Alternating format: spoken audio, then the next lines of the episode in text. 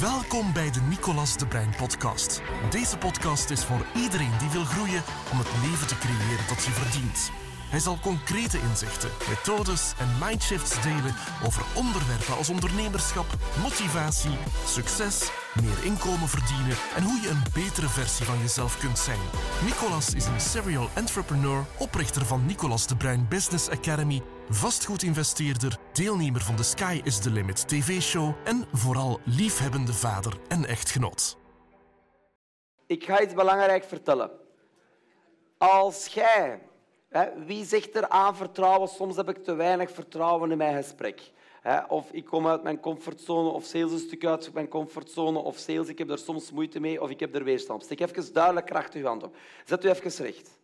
Gewoon dat je gewoon voor jezelf duidelijk maakt. Als je twijfelt, staat ook recht, want de twijfelaars, is hetzelfde.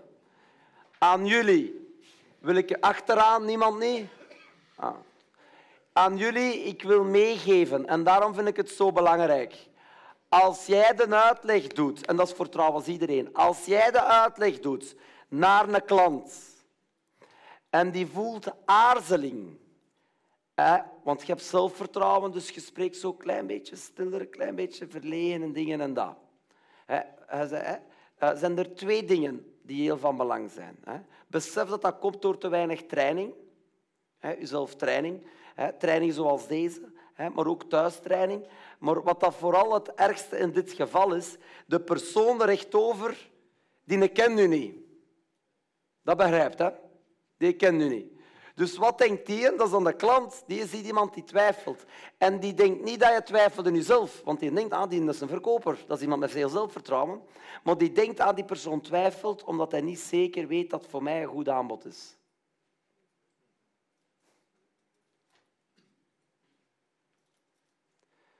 Die, die persoon die geïnteresseerd is om te kopen, die denkt, ah, ik weet niet zeker dat hij weet dat hij me gaat kunnen helpen. En als hij, dat, als hij nog niet vertrouwen heeft, hoe moet ik het dan vertrouwen? En dat is een onbewust proces, maar de kans dat een deal doorgaat, die zakt of stijgt. Roep het luid op. Zakt. En veel. En veel omdat je niet zeker, omdat niet zeker bent. En als je voelt dat je kunt helpen, moet je er alles aan doen om te helpen. En de mensen die recht staan, schrijf, eerst, schrijf dat opnieuw op. Dat je dat goed kunt memoriseren, omcirkel dat een paar keer.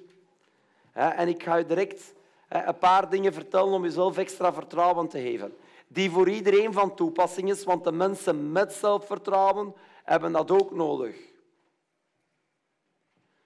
Schrijf daar iets van op. Iedereen schrijft er iets van op.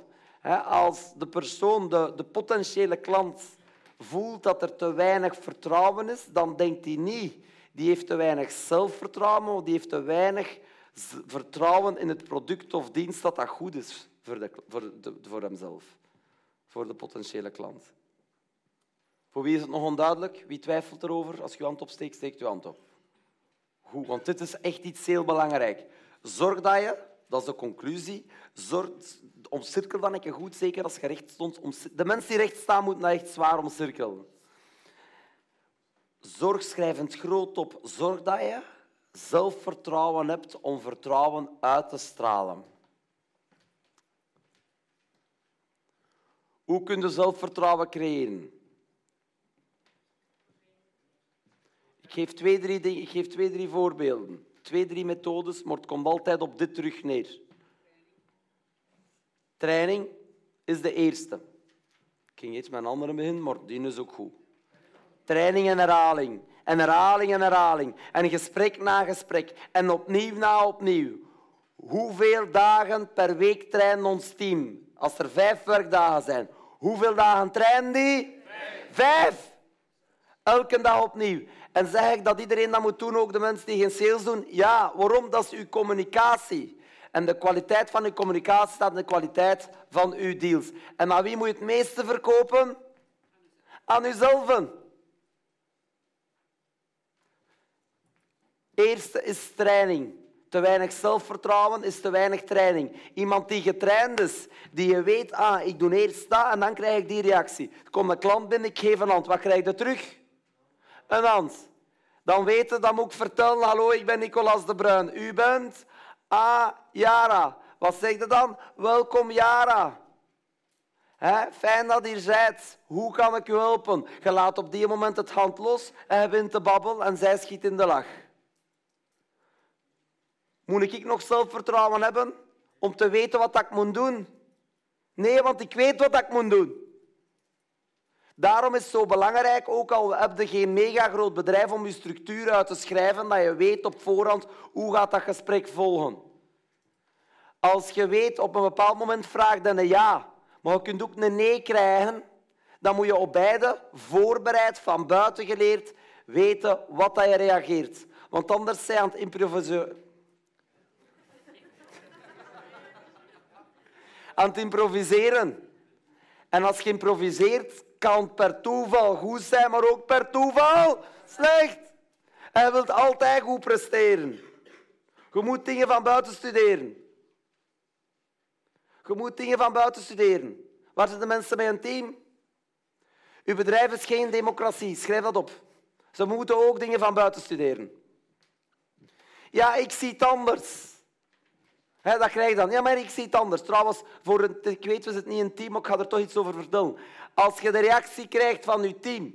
Ah, kijk, zie, jammer, ik zou dat liever anders doen of ik denk dat het zo is. Is goed voor vrij te geven aan je team dat ze hun eigen talent kunnen ontwikkelen en verder doen en dingen en dat? Ja, maar niet de eerste drie maanden. Eerst moet het doen zoals wij het doen, tot als je het kunt. En als je dan vindt dat u beter is, dan kunnen we dat testen en de resultaten vergelijken. Wie begrijpt er wat ik wil zeggen? Schrijf er iets van op als je een team hebt. Als je geen team hebt en je wil een team, schrijf er ook iets van op. En als je alleen bent, dan misschien ook. Zorg dat je dingen van buiten studeert hebt. Hier zijn wij echt experts in, binnen alle bedrijven, de rond dat we resultaat creëren. Want de snelste manier om resultaat te creëren is de pijler van sales. Dingen van, je moet structuur daarin creëren. Als je ergens structuur zou moeten... Als ik een nieuw bedrijf begin, het allereerste dat ik structureer is mijn sales. Zeg tegen een buur, ah, ik, I love sales. Bedankt voor het luisteren naar de Nicolas de Bruin podcast. Voor meer informatie, business tips, gratis trainingen en om meer te weten te komen over onze komende evenementen, bezoek www.ndba.be en volg Nicolas op Facebook, YouTube en Instagram.